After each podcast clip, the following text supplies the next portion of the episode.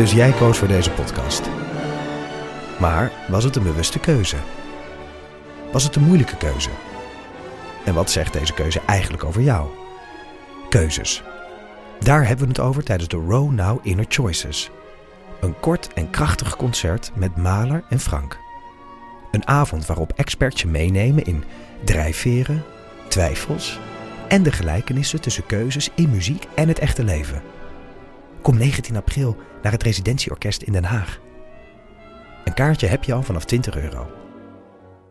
We leven in een wereld vol problemen. Het milieu gaat kapot. Burgers radicaliseren aan de lopende band. Poetin is een dictator, Biden is dement, Trump is een crimineel. En de tuin van Huberto Tan schijnt een zootje te zijn. Dus dit is het moment voor twee comedians, Vera van Zelm en Sander van op Zeeland, om de wereld te veranderen.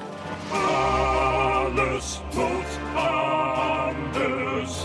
Alles moet anders. Ik krijg altijd de slechtste microfoon. Oké. Nee, je krijgt de beste, omdat het bij jou echt niet te doen is. Maar ik vind het wel goed om even te kijken hoe hard het bij jou binnenkomt. Kun Bij mij? Zeggen, Ipe? ja. Het komt heel hard Ik bij komt er heel binnen. hard binnen, Het ja. echt- Er komt dat, daar gaan we nou, dat- nou ja, die uitdrukking. Oh, dat, dat- meestal hoor ik het van, het komt niet bij me binnen. Oh, het komt helemaal niet bij me binnen. Ja. Of zo. Eh, Barry en Aaron waren naar Jackie geweest. En het kwam niet, het kwam niet binnen, Kwam niet de binnen. film. Oh, nee, nee, het was niet Nee. een film die bij binnenkomt. Echt Maar het is echt, dat is toch een heel erg uitdrukking, of niet? Dat is een... uit- de- ja, maar eh, ik bedoel, dat, ik- dat stuit mij tegen de borst. Die Of iets binnenkomt. Ja, hoezo binnenkomen? Het komt Ja. sowieso binnen. Ik heb het Oh, idee dat het een je je beetje in de categorie zit houdt. van of iets je ding is of niet. Dat, in de Ja, categorie- Nou, dat, dat is, dat is nog wel erger, denk ik. Maar inderdaad. Het, het- het- Nou, dit is een nieuwe, maar ik denk dat we er nog heel veel van... We nemen het zeker niet op, of wel? Ja, dit neem op. Ja hoor. Ja. Ik, denk, ik denk dat we er nog heel veel van gaan horen. Dat is mijn voorspelling. Dat het binnenkomen, dat dat nog... Aardig binnen gaat komen. Dat gaat, dat gaat, eh, een Dat heel groot, gaat heel groot ja. worden. Ja. Het wordt nog, wordt nog wel een, goed, wordt nog wel een ding. Goed.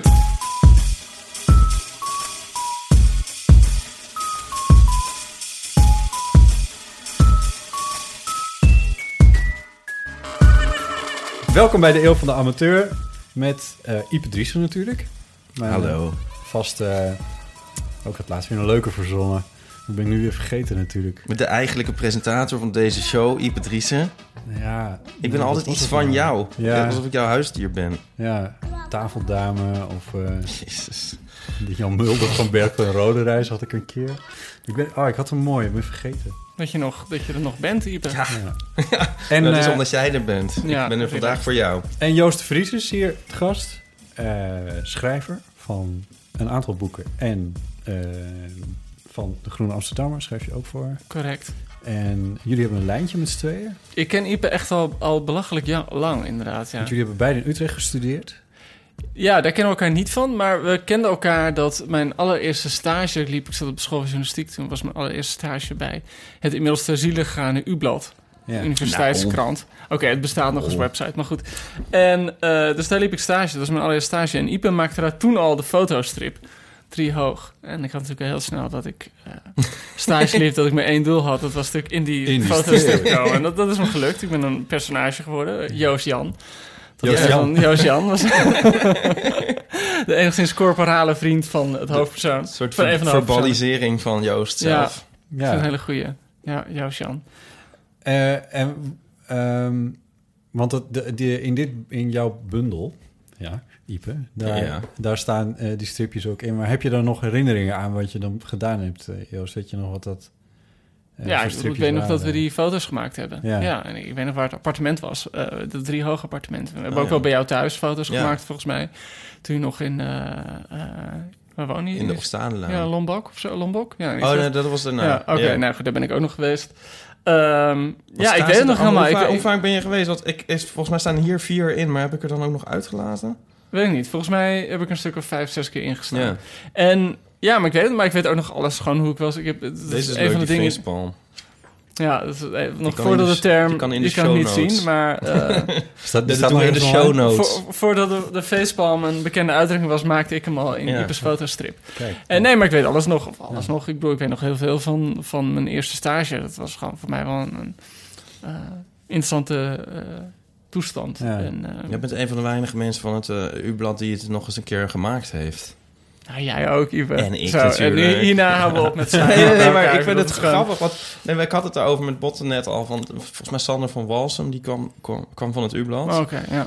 Maar verder is het U-blad een beetje een soort... Er zal toch niemand van het U-blad dit horen, of wel? Nee, ja, dat vraag ik me af, inderdaad. Eh, maar heel veel werken er volgens mij nog bij. bij Ja, die werken ja. er gewoon ook... Mensen werken er gewoon ook heel erg lang. Ja. Maar ik vond het wel allemaal heel aardige mensen. En ik heb er heel lang... eh, ik heb er vier maanden stage gelopen. Toen ben ik heel lang blijven plakken als freelancer. En, en daar ben ik voor het eerst een beetje betaald geworden om stukjes te schrijven. Ja. En, en, eh, Joost had ook zijn eigen column ik had mijn eigen column. Ja, ik had, ja, ja, Een nooit beetje, iemand. Ja, ja. een beetje journalist regelt zijn eigen column. zeggen. maar ook echt zo'n personality column met een fotootje erbij meteen, en zo. erbij, Niemand ja. had dat ooit. Nee, ik had En het. sindsdien ook niet. Nee, ik was de eerste en de laatste. Ja, En daarna heb je, want dat, je zei school van journalistiek, dat is dan de hogeschool. ja.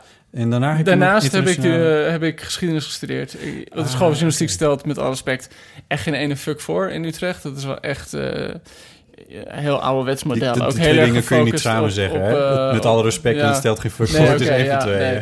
Ehm, journalistiek is heel leuk als je... Tenminste, misschien is er heel veel veranderd in de tussentijd. Maar dat ik er zat, was school van journalistiek heel leuk... als je wil leren hoe je een standaard persbericht wil schrijven. Of een nieuwsartikel. En hoe je dan de volgorde moet doen van wie, wat, waar, eh, waarom. Maar als je gewoon iets, iets grotere ambities hebt dan dat... dan valt er niet heel veel te leren. Dus ik was heel blij dat ik na het eerste jaar... eh, ben ik geschiedenis naast gaan doen op de universiteit. En, en dat vond ik wel een fijne combinatie... dat je daar gewoon inhoudelijke vak had. En tegelijkertijd wel gewoon kon schrijven en journalistieke dingen kon maken en allemaal leuke stages kon doen. En, eh, Ja. ja. En was dat echt de geschiedenisstudie? Want ik keek even op je Facebook-site en toen zag ik iets als internationale betrekkingen staan. Nou, mijn master, de master heet, ik bedoel, de, de, de opleiding is geschiedenis en dan moet je een master doen Ja. bij geschiedenis en dat was de master internationale betrekkingen. Ah, Oké. Wat eigenlijk ook niks voorstelt, want internationale betrekkingen op de Universiteit Utrecht is zo'n populaire master dat je uit elk, eh, elk blok gewoon uit tien vakken kon kiezen. Dus ik heb uiteindelijk weer allemaal vakken Amerikanistiek gevolgd en uiteindelijk een scriptie geschreven die ging over Hollywoodfilms in de jaren tachtig. Eh, dus het is niet heel he- internationaal. Het is niet heel erg dat, dat een, een diplomatieke carrière voor me erin zat Nee. of zo. Nee. Want eh, ik koppelde dat meteen aan eh, een stuk wat komend weekend voor jou in eh eh Theater Frascati is te zien. Over Honey Daar gaan we. Kissinger. Daar gaan we. Ja, ik vind het mooi. hoe Nee, dat- ja, dat- we kunnen het er nu over hebben. We kunnen het ook straks doen. Dat Nee, maar ik vind het wel eh, mooi dat, dat deze podcast dan de, de, de- over de amateur eh, moet gaan. Terwijl jij toch wel zulke mooie professionele bruggetjes maakt. Ik maak hele Ja. professionele Ja, brug. dat is Maar ik heb- ironisch. ik Het is Oh, is het eigenlijk ironisch? ironisch. Oh, god. Ja. Vergeet nu dat ik We gaan het toch eigenlijk... niet over ironie hebben? Nee, Nee. de eel, Ja, ja. de Ja, staat, ja. de staat voor de gevoelsduur van... Oh, dat eh, van deze podcast. ik wou eigenlijk openen met een nieuwtje. wat, wat Ik, dan? ik moet jou nog wat vertellen. Mij? Ja. Dit, Ik ja. heb sinds de vorige opname van deze podcast geen dier meer gegeten. Oh, nee. Nou, nou ben ik toch even met stomheid Shocker. geslagen. Ik dacht al van, wat ruikt het hier niet naar cake? Elke keer als ik hier binnenkom, ruik, denk ik van... Oh, heb je een cake gebakken? Zegt hij, nee, dat is een biefstuk. maar dit keer dacht ik het niet. Nee. Maar hoezo? Ja, Maar dit, we hadden het, ik snap helemaal niks van deze overgang. We hadden Nee, het net ik over Kissinger. Nou, Nee, maar- nou, omdat mijn professionaliteit werd verweten, ja. dacht ik nou, Oh ja. dan gooi ik even wat anders in. Nee, ik had van tevoren bedacht dat ik hiermee zou openen. Omdat ik Ah. heel benieuwd was naar jouw reactie hierop. Oh ja, want ik had bedacht dat ik zou openen met van... eh, waar is mijn DVD van Ed Wood? De Vries? Geef hier. Dief. Ja, ik heb, ik heb sinds, twee, sinds het begin van de Bush-regering... heb ik een, een, een DVD van... Dat is wel echt een hele goede film trouwens. Ja. Eh, de DVD Ed Wood van, van jou geleend. En nimmer meer teruggebracht. En ik heb die DVD, die heb ik ook... Staat pontificaal, staat die in. Ik heb een kast, daar liggen allemaal DVD's. En er staat heel pontificaal, staat die DVD van Ipe daar. Om mezelf eraan te herinneren dat ik Dat die nooit dingen uit moet lenen aan andere mensen. Dat komt nooit meer goed. Ja, Oké, maar, mij- jij, ehm, bent, jij bent jouw boekenkast ook met boeken van mij aan het vullen onder Dat klopt, ja. Ja, maar dat zijn ook allemaal onleesbare boeken. Kijk, Die, die geef ik niet terug omdat ik ze nog steeds niet gelezen heb. Ik, en Ed Wood heeft Joost nog steeds... omdat hij die keer op keer natuurlijk nog eens bekijkt... omdat het zo'n geweldige film is. Zolang hij niet op Netflix staat, blijf ik hem kijken. Alles te maken met internationale betrekkingen. Op de dag dat hij op? Netflix komt... dan krijg ik die DVD terug, terwijl ik hem dan op... Ne maar goed. Maar jij hebt geen vlees meer gegeten, Ik heb geen vlees meer gegeten. Helemaal niks. Maar Ja. omdat je jezelf aan het denken hebt gezet. Ehm, Nou, ja, ik... ik Want ik heb niks gezegd, hè, eigenlijk vorige keer. In Nee, ons je dus een discussie over de Partij van de Dieren... waarin Ja. eigenlijk Botte in zijn eentje het woord voerde, ook namens mij. maar nee, maar dit is Siertje, ik bedoel... eh, ik ben geen fan van de Partij voor de Dieren. Ga jij Partij van de Dieren stemmen? Oh god. Ik vraag het gewoon. Ja. Ja. Ja. Oh ja, de antwoord is echt ja. Ja, het is Oh, echt ja. echt waar. Oké, Ja. ik- ja. Staat nu op, op vijf zetels of zo, hè? Ja, Wat wel echt heel veel is voor een, ja maar een het, is heel, het partij, was maar- opeens eh, een soort salonveeg. Of is dat een woord? Ja, ja. Maar ik bedoel eigenlijk, is dat van toepassing? Maar me- vroeger was het echt een soort... alsof je op de Partij voor UFO's zou stemmen. En eh, dat begint nu een beetje af te raken. Dat mensen Ja. wel dat gewoon als een optie zien. Dat, Ja. dat, daarom, daarom... Maar waarom niet GroenLinks? Want dat heeft een veel groter bereik en heeft ook aanzienlijk meer te melden. Eh, op andere gebieden dan alleen... eh, Ja, Bot, Dat- waarom stem ik eigenlijk niet op GroenLinks? Ik begrijp echt niet waarom jij niet op GroenLinks stemt. Ga jij op GroenLinks stemmen? Eh, ik ga niet op GroenLinks stemmen, maar ik ga zeker ook niet op de Partij voor de Dieren maar stemmen. waarom, ben je, waarom heb je geen vlees meer gegeten twee weken? Je, ont- Je ziet dit, er dit wel is de vorige keer kerngezond, dus ook, ziet er Dan ontwijkt hij, gezond ontwijkt en hij. blakend uit. ontwijkt hij gewoon de vraag die, eh, die je hem stelt. Wat ik denk dat er met de Partij voor de Dieren aan de hand is, is dat eh, zij hebben heel handig... Die ontwijkt hier nou de vraag. Oh. Nee, wacht even, hij komt nog. Ik, ik antwoord wel. Ja, Oké. Je weet toch dat ik altijd lijntjes onthoud en zo, en dat ik weer op terugkom. Nee, ik denk dat de Partij voor de Dieren heel erg eh, handig in is geweest... om zich heel goed te positioneren in die stemwijzers en zo. Want ik hoor werkelijk van iedereen om mij heen... en dan met name wat de linksere hoek... eh, dat de Partij voor de Dieren heel hoog bij de stemwijzer eruit komt bij hen. En dat begrijp ik wel. Als je dat namelijk een beetje linksig invult... en een beetje milieuig invult, dan komt die er Ja, maar een beetje linksig. Ik bedoel, de Partij van de Dieren is ook best wel behoorlijk anti-Europa. Heel Dus, erg. dus dat is... ehm, Ze willen dat de nationale munten weer terugkomen. ja. Dat Ja, maar dat, dat was voor mij het moment dat zeg maar elke... Nou goed, ik, ik zal niet zeggen dat ik ooit serieus heb overwogen Partij voor de Dieren te stemmen. Maar bij het laatste lijsttrekkersdebat, toen werd er op een gegeven moment een vraag gesteld over of de Europese Unie niet sterker moest zijn omdat we Poetin, of omdat we Poetin in Rusland hebben en Erdogan in Turkije en Ja. Trump in het Witte Huis. En de internationale samenwerking belangrijker is dan ooit. En weet je, dus er werd echt gevraagd naar het oprukken van tirannen. En haar en Marianne Thiemens antwoord was toen: Ik ben tegen Europa, want landbouwgif. Ja. En dan dacht ik, ja, als, als ik bedoel, ik vind het heel goed dat je je hard maakt voor het milieu. Ik vind het heel goed dat je, ik vind prima dat je je hard maakt tegen de bio-industrie. Eh, ik denk dat dat ook belangrijk is. Maar ik bedoel, als je elk antwoord daartoe terugbrengt, dan, ja, dan word je wel heel erg eh single Ja. issue. Maar goed, ik, ik bedoel, ik, wil- ik zit hier ook niet om, om Ipe nu een naar gevoel te geven. Nee, dat krijg Nou, daarvoor dat, zit je. Nee, ik heb eigenlijk wel. Ja, jij ook, had ik het idee al. Ja. Daar hebben we er al Nee. even van. Ik zal antwoord geven op je vraag. Ja. Eh, het is, het is, ik, ik voelde me wel een klein beetje schuldig na mijn rant vorige week. oh, Of vorige keer over, Ja. over de Partij voor de Dieren. Ja, vooral omdat ik denk van ja, ik heb hem trouwens ik niet... ben echt oh. heel erg anti-Partij voor de Dieren geworden onderhand. Want ik heb me daarna nog een paar keer in verdiept ook. Eh, dat ik dacht, en vooral ook dit, dit, dit, Europa-punt vind ik, vind ik dusdanig belangrijk... dat ik, dat ik denk van, nou ja, dat, dat gaat hem echt nooit worden. Maar er was iets anders aan de hand. En dat is dat jij al... We hebben het wel vaker over gehad dat jij vegetariër bent geworden. En Mhm. dat ben je op je... Wat was het, 36e geworden of zo? 35? Nou, dat moet ik nog worden, dus dat lijkt me sterk. Ja, ja, zoiets. Maar dat, dat je in ieder geval ervoor schaamde dat het pas zo laat was. Mhm. En toen vroeg ik van, van ja, maar het lijkt me best wel een beslissing. En toen zei van, het stelt echt helemaal niks voor. En nou ben ik helemaal niet van het uitvoeren van experimenten met mijn eigen lichaam. Maar ik dacht, dit is toch wel heel erg miniem of zo. Als het dan echt niks voorstelt, laat ik het dan gewoon eens een keer proberen. Dus bij wijze van experiment, Ah. ik heb het ook heel simpel gehouden. Ik heb gewoon dier, eh, hoe heet het? Eh, diervervangers, vleesvervangers gekocht. Ja, eh, in plaats van echt vlees. En van de, man, van de man van Marianne. ik weet, wow, Eh, wat heeft hij dan? Nou, haar man is toch de vegetarische slager? Is dat zo? Oh, dus haar hele partij is eigenlijk gewoon om hem klanditie te Een bezorgen. groot complot. Dit is wel echt een complot. Ja, nee, het is nou, algemeen bekend, toch? ja ik, ik heb wel wat van de vegetarische slaag gekocht, maar niet alles. Want Nee. Maar er zijn er nu heel veel ook.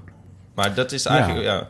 Het zei, dat is waar, alleen Maar ook van, van, de, van de vrouw van Jesse Klaver, die heeft ze ook. Nee, er staan dus in mijn Albert Heijntje er staan twee grote koelingen die je van twee kanten kan benaderen. Dus zeggen, laten we zeggen vier grote vakken. Ja. Eentje dan rund en dan kip en dan vis Ja. en dan nog wat dingen.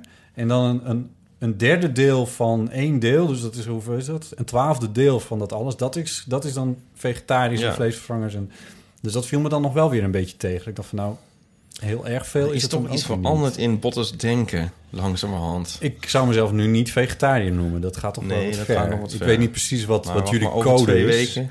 wat onze code is. Nou, ik ken dus heel veel vegetariërs die eh, zich niet als zodanig willen afficheren. Omdat, ze dan, eh, omdat dan mensen allemaal heel boos worden. Ja. En, ehm, Maar worden ze dan precies boos om? Nou, het is grappig. Ja, nu, ik weet niet, ik ben niet... Het viel wel mee, hè, vorige keer. Het is allemaal niet erg, hè. Maar, maar soms lokt het heel emotionele respons uit van mensen. En ehm, die zeggen dan bijvoorbeeld, ik eet geen vlees. Omdat mensen, als je zegt, ik ben vegetariër... dan voelen mensen zich Ja, aangevallen van... eh, oh, dan, Ja, ja. Vind, dan vind je waarschijnlijk dat ik iets verkeerd doe. Ja, ja. En, want ik ben dat niet. En ehm, dan gaan ze zo hard in de verdediging... dat dat eigenlijk een aanval wordt. En dan, raar hè, eh, dat het zo'n ding is. ja, maar dus, dus men, sommige mensen willen dat niet, eh, willen dat niet zeggen. Nee. Want Maar da- dat is tegenover eh, dat je ook mensen hebt die dan echt zo heel pontificaal zeggen... ik eet geen dood dier. Ja, die heb je. Ja, dat, nee, dat, ja, ik zei ja, dus ja, heel ja. pontificaal dat ik steeds oh, ja, ja. dode dieren heb gegeten. Want, want Ja. een... eh, ken je die ook nog? Floris van den Berg van eh Studium Generale destijds? Nou, Die- van de universiteit. Die... die ehm, die heeft het altijd over de die dierenholocaust. Ja, ook gewoon dat echt- gaan wij dus echt veel... gaan wij, dan Kijk, gaan, ja, ja, ja, dan gaan ja. wij het echt niet. We zitten hier Nee, in de plantagebuurt. We gaan niet de holocaust minimaliseren. Denk Nee, nee, nee, nee, het. kijk, luister, dat is om even aan te geven dat je dus eh, mensen die niet eens, durven, die niet eens durven zeggen dat ze geen vlees eten, tot ik eet geen vlees, tot vegetariër, tot inderdaad, het hele spectrum heb je. Ja. Maar als je vegetariër bent, dan kan je dat komen te staan op een soort, eh, nou ja, agressie is over, de, ja, weet ik veel. Nou, eventueel wel, maar eh, ja. Dus jij moest- noemt jezelf moest- nog niet zo, maar misschien komt het nog. Nou, dat woordje nog vind ik wel heel erg... eh, nee, dat zei je net zo. Maar goed... Eh, zei je dat niet zelf? Nee, dat zei ik zelf. niet zo. Nee, denk ik niet. Eh, ook omdat ik... ehm, Die neushoorn kunnen we het ook wel over hebben. Oh mijn god, die neushoorn. Die neushoorn. Die neushoorn. Dat Ja. is waarom denk je dat hier een helikopter boven Arthur aan het cirkelen is op dit moment? Ja. Wat wou ik er nog over zeggen? Nou, nog iets, nog iets anders. Ja, je noemt namelijk jezelf dus niet vegetariër, maar je Nee. bent maar twee weken. Maar hoe lang Maar- denk je dit, dit... Is het zeg maar een experiment zonder einde? Of heb je... Is, is het... eh, Nou, het was in ieder geval tot vandaag, omdat ik, het leek me leuk om het Oh, er ja. over te hebben. Maar eh, nee, dat weet ik niet. Ik, dat, daar ben ik niet over uit. Maar ik denk nu jij er zo fanatiek op reageerde... dat Botte gewoon morgenochtend weer gewoon begint met een, een eitje met spek of zo. Om, fanatiek? het- om er gewoon vanaf te zijn. Spek is wel echt heel erg lekker. Dat is wel ik een kan me probleem. heel goed een vegetarisch... Ja, ik kan me een vegetarisch leven voorstellen... maar een leven zonder gewoon af en toe spek. En ik vind het heel... Ik bedoel, ik, ik probeer wel echt op te letten met wat ik eet. Ja. In de zin van, ik- je moet niet de hele tijd vlees eten. Dat, dat lukt me wel. Ja.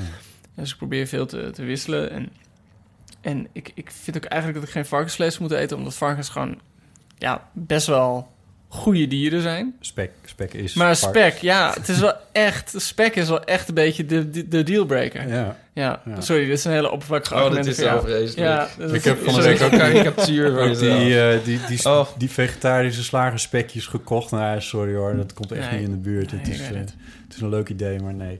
Maar eh, nee, Er zijn dingen die je beter en minder goed kan vervangen. Dat is eh, Ja. zo. nou ja, het leuke is dat ik er nu natuurlijk ook wat meer gespitst op was... wat er in het nieuws is over dit soort dingen. En dat was toevallig afgelopen week ook dat ze eh, het hadden over... dat ze nieuwe eh, vleesvervangers, maar dan van rood vlees... want dat schijnt het meest ingewikkeld te zijn. Ja. Door, eh, en dan, dus, dus rundvlees. Ja. Ehm, en schapenvlees en dat soort Ja. dingen. Dat ze daar nu ook met nieuwe technieken bezig zijn... en dat Unilever dat aan het ontwikkelen is. Dat vond Ja, ik dan eigenlijk wel weer een Ja. Ja, maar het gaat nu best wel hard. Je hebt, eh, wat eh, heel goed kan is, eh, maar dan niet rood, maar eh, tonijn. Je hebt Oh. echt eh, ontzettend lekker is die visvrije tonijn. Ja. En ehm, van de Lidl had ehm Berry laatst mijn huisgenoot had, ehm, maar dat was alleen maar tijdelijk in het assortiment helaas vegetarische salami. En ehm, nou is het wel zo dat ik ook niet meer sommige dingen kan ik me ook niet meer precies herinneren, maar deze vond ik dat die leek mij ook niet van echt te onderscheiden. Niet herinneren, wauw. Ja. Want ja, en je hebt bijvoorbeeld de maar bijvoorbeeld braadworst van de vegetarische slager, die vind ik best wel lekker, maar dat is eigenlijk die, Ja, dat is een die smaakt niet. Dat is een frikandel. Ja. Ja. Nou ja, Dus de ik, vegetarische mag ik, frikandel mag je dus even, goed eh, ja. even... Sorry dat ik nu een, een debat misschien eh, opnieuw begin te voeren... wat jullie al eindeloos vaak hier gevoerd Nee, hebben. maar niet. Maar is voor jou, misschien er heel kort antwoord op geven... de reden dat je, dat je vindt dat we geen vlees moeten eten... eh, vanuit het dier of vanuit het milieu? Dit vanuit het dier. Oh, dat, dat is wel het slechtste argument. Je kunt het beter vanuit het milieu doen. Maar dat is, het, dat is het argument waar de hele wereld iets aan heeft. Weet ik. Ik Dat bedoel, is- dus dat 70% van de CO2-uitstoot uitstoot komt van de bio-industrie. Ja, maar ik, dat neem ik mee. Oh, nee. Kijk, ik dat is mooi meegenomen. Dat hoeft elkaar niet uit te sluiten. Maar dat is denk ik ook de reden dat ik Partij voor de Dieren stem en niet eh, GroenLinks. Want het is een... ehm, ik vind dus ook... Ik ben het ook totaal niet eens met het standpunt van de Partij van de Dieren op het punt van Europa. En eh, eigenlijk misschien wel meer. Ik weet, ik weet eigenlijk niet eens wat hun andere standpunten zijn. Maar dat kan me eigenlijk helemaal niet schelen. Ik, ik benader het eigenlijk voor de time being als een one-issue partij. Dit zei ik vorige keer. Jesus Christ. Nee, dat zei je helemaal niet. Je zei, het is geen one-issue partij. Dat is wat je zei. Nee, dat heb ik niet gezegd. Ik zei, zei het, maar het is, het, het is een heel erg belangrijk... Nou, ik zei misschien wel het belangrijkste issue van, van, van, van onze eh, huidige samenleving. De grootste misstand. En eh, dat, dat, dat, dat moet dus een keertje rechtgezet worden, vind ik. Dus dat is de reden dat ik daarvoor stem. Wat wel zo was, rest dat- neem ik voor lief. Nadat ik er dus... eh, ik had er ook nog wat op internet over geschreven, over de Partij voor de Dieren. Ja, en toen, Dat heb ik niet helemaal gelezen, hoor. Nee, dat begrijp ik wel. Maar toen kreeg ik toch een... Want daar reageerde namelijk eh Esther Ouwehand zelf op. Ja. Nogal freakish, om heel eerlijk te zijn. Zelfs zo freakish dat ze zich nog een soort van verexcuseerde... voor wat ze eerder had geschreven. Eh, maar daar kwamen ook een partij reacties op. En ik kreeg het naar mijn hoofd geslingerd. Het is echt niet te geloven.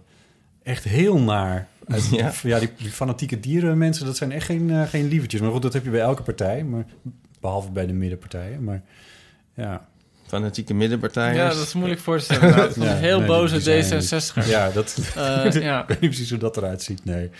Nee. Enfin. Maar hoe bevalt het? Nog even dan. Ja, niet slecht. Ik heb niet een enorme urge naar, naar, Nee, toch? naar een dier nu. Dus dat is op zichzelf al wel goed. Ik weet niet of ik helemaal nooit meer een dier ga, ga eten. Ik denk dat dat wel weer gaat voorkomen, maar... Telt, telt eh, vis als dier?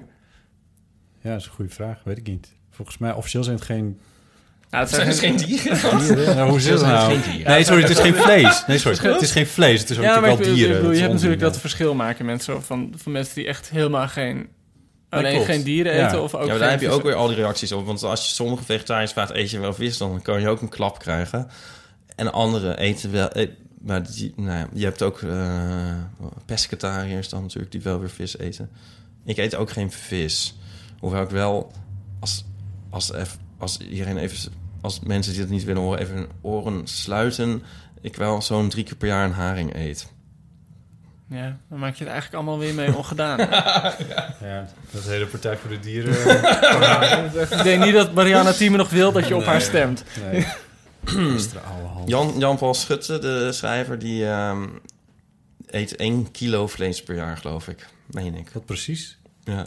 En, eh, Koopt hij dat dan aan het begin van het jaar? En, en zo precies één kilo. die houdt dat bij, maar die kan, zeg maar, die kan het dus niet hebben of zo. Of hoe zeg je dat? Die, die vindt het... het, het eh, die wil dat aan, graag toch. En dat compenseert hij dan weer, die, die kilo. Maar dat houdt hij dan heel precies bij. Het is zo precies dat het, het, dat het, zeg maar, het woord flexitariër bijna een beetje raar maakt. ja, het is niet zo flex. Nee. Nee. Anyway, Anyway, die, maar die neushoorn dan? Wat vinden jullie daar dan van? Maar ik bedoel, jij voelt dus... even vertellen wat er gebeurd is. Nou, dat weet toch iedereen wel? Nee, Zijn stropers binnengebroken bij een dierentuin? Weet jij waar? dat was een Nederlandse, Frank- toch? In Frankrijk. Frank- Was in Frankrijk. Frankrijk. En die stropers hebben in de dierentuin een neushoorn doodgeschoten Ja. en met een kettingzaag zijn ivoor. Nu weet ik toevallig dat het niet zou- meevalt om een eh, neushoorn dood te schieten. Want die schijnen ongeveer een derde van hun lichaamsgewicht schijnt uit eh, huid te bestaan. Dus dat vroeg ik me nog af. Hoe dat- De redactie Maar even fact Ik heb het checken idee hoor. dat een derde eh, van mijn lichaamsgewicht ook uit huid bestaat. En volgens mij kan je me echt wel doodschieten. Dat, Ja, nee, maar dat schijnt zo dik te zijn dat dat, dat dat echt nog niet eens meevalt. Maar goed, dat is dus wel gelukt. En toen hebben ze eh, de Kijk, hoorn... In het wild worden ze ook voortdurend doodgeschoten. En Ja, het lijkt me het- makkelijker in een wel, dierentuin dan in het wild. Ja, ze kunnen niet heel veel kanten op. Nee. nee. Maar moeten we er iets van vinden? Ik vind het niet zo goed. Is dat wat je wil Ja, ik bedoel, ik weet niet heel veel wat je er anders van kunt vinden. Het is, Ja. het is redelijk gruwelijk vreselijk nieuws. Ja. Ja. Ja, nee, dat vind ik ook. Nee, nou, maar omdat je zegt dat dierenliefde dat het een slecht argument is om eh, op. eh, maar dit is, toch- ik bedoel, dit is toch ook alleen maar vanwege eh, uit liefde voor die neushoorn dat je dat erg zou vinden, toch? Ik bedoel, een neushoorn meer of minder. Ja. Dus op de grote Nou, schaal er zijn niet zo heel veel neushoorns meer. Kijk, een kip meer of minder is niet echt een big deal. Maar een neushoorn, er zijn nog iets van twaalf van of zo. Zo Maar dan zou je kunnen zeggen van... oh, het is nu ontdekt van in Afrika... ja, we dachten dat er nog maar 12.000 leefden... maar er leefden er 12.001. Dan zou je kunnen zeggen... oh, dan maakt het... Oké, dan was het toch niet zo erg in Frankrijk. Het gaat toch om die, dit dier? Ja. Ja. Oh god, nu ben ik heel righteous. Da Ja. daarom wil ik het dus... Daarom zei ik de vorige keer ook niks. Ja. Ik ga wel even bier halen. Zullen we het over Henry Kissinger gaan hebben? Want dat, dat vind ik, toch, ik, ik vond het heel grappig, want we hadden je al uitgenodigd om een keer langs te komen. ja, Eh, sterker nog, je stond al een keer op de rol, maar toen ben je weggewaaid. toen ben ik weer toen stormde het. Het was een beetje een slecht... Ik, ik had verwacht dat het een grotere storm zou zijn. Uiteindelijk viel het heel erg mee. Ja, Maar ik woon, ik woon op de bovenste verdieping op een hoekhuis aan het water. Dus het, het, mijn ziet gevoel er allemaal Die dramatisch hele storm uit. kwam zo op me af. En ik Ja. dacht dat het... ehm, maar goed, ik ben ja. er. En eh, het klopt, we Gerrit gaan Hiemstra, volgende dat week... had je bang eh, gemaakt. volgende week staan we eh, vijf avonden in Frascati. En daarna gaan we naar Utrecht en Haarlem en, Den Haag. en Eindhoven. Ja. Heb je dat vaker gedaan? Nee, dit is voor het eerst dat ik een toneelstuk eh, heb geschreven... samen met Bo Tarens Kane. Sta je ook op het... Nee, ik sta Oh. godzijdank niet. Nee, nee, nee. Ehm, Bo speelt het. Bo speelt, ja. Ja. Het is een monoloog. Ehm, het heet Kissinger en het gaat onder andere over Kissinger. Ik bedoel, het gaat over veel meer. Maar Ja. ehm, Ga ik nu even een journalistieke vraag stellen? Wie was Henry Kissinger? nou, dat vind ik een hele mooie vraag van je. Nou, in 1968 is Henry Kissinger minister van Veiligheid geworden ehm, onder Nixon. En al snel Dat was een Duitse immigrant, hè? Ja, dat is een Duitse immigrant. Hij is in de jaren 30 gevlucht ehm, voor de nazi's. Is naar Amerika geworden. Werd hij bijna direct eh, op het gebied van geschiedenis in ieder geval gezien als de, de meest briljante student die Harvard ooit heeft gehad. Een thesis geschreven over ja, eh, Europa in de 19e eeuw, machtsbalans van Europa in de 19e eeuw, wat nog steeds echt als een klassieker wordt gezien. Ja, op, op Harvard heb je ook de Kissinger-regel. Dat Kissinger's scriptie was zo dik dat inmiddels staat de regel dat niemand een dikkere scriptie mag schrijven. Oh, wauw. En hij gold in die tijd al, toen was hij dus nog heel jong, was het een dertiger. Echt zo'n, zo'n, eh, in de, gold hij als gewoon een, een buitengewoon eh, slimme eh, academicus. Hele goede blik op moderne, of op de, actuele, op de actuele diplomatieke gebeurtenissen in die tijd. Ja. Waar natuurlijk de Vietnamoorlog... Vietnamoorlog, ja. En, en toen ehm, is eigenlijk wel iets heel significants gebeurd. Dat hij, dat Kissinger of, of Nixon was Waar hij buiten, minister van Buitenlandse Zaken onder Nee, nog, nog voor, voordat Nixon president was, dus in 68 waren de verkiezingscampagne. Toen was natuurlijk de oorlog in Vietnam al heel erg bezig. En er werd al van alle kanten geprobeerd om dat conflict te beëindigen. En toen heeft eh, Kissinger, wat wel bizar is, eh, buiten de regering om een, een eh, overleg gestart met de eh, Noord-Vietnamezen. Eigenlijk met het idee van als jullie wachten, dan, moeten jullie, dan kunnen jullie met Nixon onderhandelen. Die is veel beter. En dus toen heeft hij een soort van staak het vuren gesaboteerd zodat het beter voor Nixon uitpakt. Dus vanaf het eerste moment dat hij eigenlijk in de, de Ja, dat wereld... lijkt heel erg op van, eh, nu met Trump en Rusland. Op een bepaalde en, manier, ja. Dus echt nog voordat hij überhaupt echt officieel minister was, maakte hij als een entree, ik bedoel, dat was op dat moment nog niet bekend, als iemand die keiharde, eh, ja, rationele politiek voerde. En op geen enkele manier door moraliteit werd gedreven, maar alleen maar door wat is handig, wat functioneert, eh, wat, wat voor gevolgen hebben bepaalde daden. Een hele, eh, dus een, een aardsrealist, dat noem je dan, hè, de machtsrealisme. Dus dat je eigenlijk alleen maar alles beargumenteert uit wat voor machtgevolgen hebben bepaalde beslissingen. En ja, zo, zo heeft hij eerst onder Nixon jarenlang gewerkt en daarna, nadat Nixon was afgetreden, onder Ford. Ja.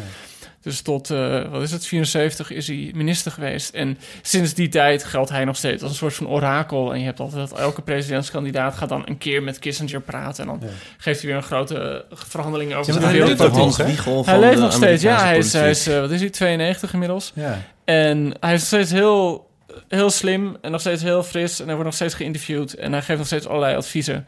Geeft heel weinig interviews nog. Volgens mij heeft hij zijn laatste interview gegeven aan de NOS. Vorig jaar. Echt? Ja, heel bizar. Aan de NOS over Johan Cruijff. Nadat Johan Cruijff was overleden. En, eh, want hij... Zo voetbal- kennen we onze voet- staatsomroep Ja, ik wil weer. zeggen, ja, ja, dat is echt... De, de, de NOS durfde echt de zware vragen te stellen. Zoals, waar was u eh, toen Nederland de halve finale speelde eh, in het WK 74? En hij was toen in het stadion. Oh, nee, het was oké. echt een, echt een, een voetbal... Noord-Vietnam Ja, of ja. Noord-Vietnam. Nee, nee. En, maar ja, dus, dus Kissinger is, geldt nog steeds ja, als een buitengewoon... Je, je kunt zeggen immoreel, maar eigenlijk is het amoreel. Iemand die vond dat politiek op geen enkele manier gedreven moest worden door morele overwegingen. maar louter door wat is macht en hoe pas je dat toe. En dat, dat heeft hij echt op alle mogelijke manieren gedaan. Ik bedoel, de, de helft van de, de coup die plaatsvonden in Zuid-Amerika waren met steun van hem en de CIA. Staatsgrepen. Eh, bedoel ik. staatsgrepen, ja. Dus ik bedoel, dat op elke mogelijke manier eh, heeft hij in die tijd zijn, zijn macht laten gelden. Ja. En natuurlijk uiteindelijk ook heel erg eh, ja, de oorlog in Vietnam laten escaleren... omdat het beter was voor de verkiezingen en de politiek. Ja, ik las iets heel fascinerends op, op Wikipedia, want ik heb het heel snel even... want Ik, ken- ik ken zijn geschiedenis niet zo heel erg goed. Maar er stond er van, ja, hij kreeg dan een Nobelprijs voor de vrede... voor hoe hij dat dan had aangepakt in, eh, in Vietnam. Ja, Maar eh, een jaar later heeft hij zo ongeveer het allergrootste bombardement... wat Vietnam ooit heeft ja hij, gekend. kreeg, alsnog hij kreeg in 73 kreeg de Nobelprijs voor de vrede... voor de vredesonderhandelingen ehm, met, met Noord-Vietnam. Ja, Maar die oorlog hield dus op in 75. Ja. En in de tussenliggende tijd heeft hij nog een paar keer heel erg de boel... heeft heel Cambodja ongeveer plat laten bombarderen. ja, Dus ja, dat is echt een, ongeveer de meest voorbarige Nobelprijs die je voor kunt stellen. ja, Ehm, weet je wel. Ja. ja. Nou, dan hebben ze daar wel vaker een beetje een handje Ja, van. dat gebeurt wel eens, ja. Ja, Nog, Oh. on- nog onterechter dan die voor Bob Dylan. Dat was niet een Nobelprijs voor de vrede, Nee, dat maar... Nee, maar die was wel ook heel onterecht. Ja, nou, de- even kijken. Er is er nog eentje naar eh, eh, Clinton en Arafat. Nee, naar, hoe heet, hoe heet hij nou? Eh, Rabin. Arafat Rabin, en eh, ja. Rabin gegaan. Nou, hij is natuurlijk ook naar, naar Obama gegaan toen hij net een maand president Ja, was. Ik bedoel, ja. dat, dat was, hij kreeg toen gewoon, Obama kreeg de Nobelprijs omdat hij niet George Bush was. Nee, Wat hadden ze hem net zo goed aan een van ons drieën kunnen geven. ja, ja. Maar goed. Met dat argument. Maar ja. George Bush kan er nu achteraf ook nog wel één krijgen. Toch? Dat is toch eigenlijk een soort... soort Nu Trump er Nu zit. Trump, ja, dat, ja. ja. Maar wat vind jij dan van zijn methode van, eh, van diplomatie bedrijven? Nou ja, kijk, het spreekt zeker bewondering uit jouw samenvatting. Nou, be- bewondering Niet is dat niet het juiste woord. Maar ik denk, en ik denk dat voor ons ook een van de redenen is om dat toneelstuk te maken. De, wat er een beetje in zit op een bepaalde manier is het gevoel van nostalgie bijna. En ik bedoel, onder diplomaten en, en kenners van internationale politiek wordt heel vaak gesproken naar koude oorlog nostalgie. Gewoon puur het feit dat de wereld toen nog overzichtelijk was. En dat je niet overal iedereen een hekel aan iedereen had. Toen waren er gewoon twee machtsblokken en dat was gewoon duidelijk. En ik denk dat dat de bewondering is die heel veel mensen voor Kissinger hebben. Of bewondering, de, de nostalgie die er denk ik voor hem in zit. Dat, dat hij een soort speler was in een, eh, in een internationaal veld dat gewoon door logica werd bestuurd. Ja. En eh, wat niet wegnam dat er duizenden, duizenden mensen gewoon vreselijke dingen hebben meegemaakt door dat logische spel, om het zo Ja. te zeggen. Maar ehm, ja, dat, dat, dat, dat een soort van. Hij opereerde vanuit een soort overzichtelijkheid die nu niet meer bestaat. En dat is denk ik een overzichtelijkheid waar heel veel mensen naar snakken. Hmm. Ik bedoel, bij De Groenen hebben we nu net zo'n nummer gemaakt over... eh, eigenlijk waarom, waarom heeft iedereen het steeds over de jaren 50? Ik Ja. bedoel, er wordt de hele tijd in het politieke debat gezet van...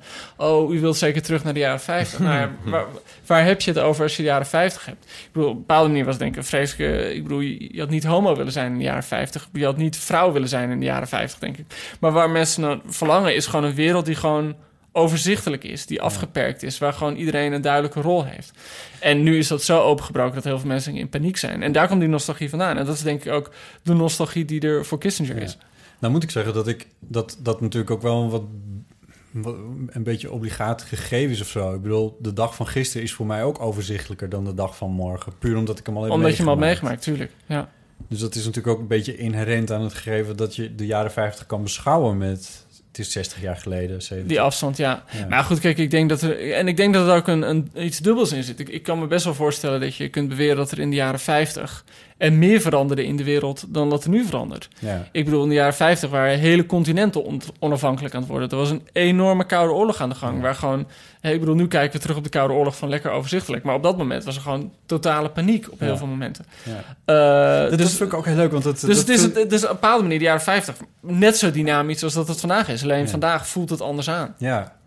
Dat, wat, het viel Ipe ook meteen op toen we het, eh, toen dat artikel eh lazen, alsof het met z'n Ja, we zaten te lezen. Ja, heel fijn, ja. In bad. Maar je begint...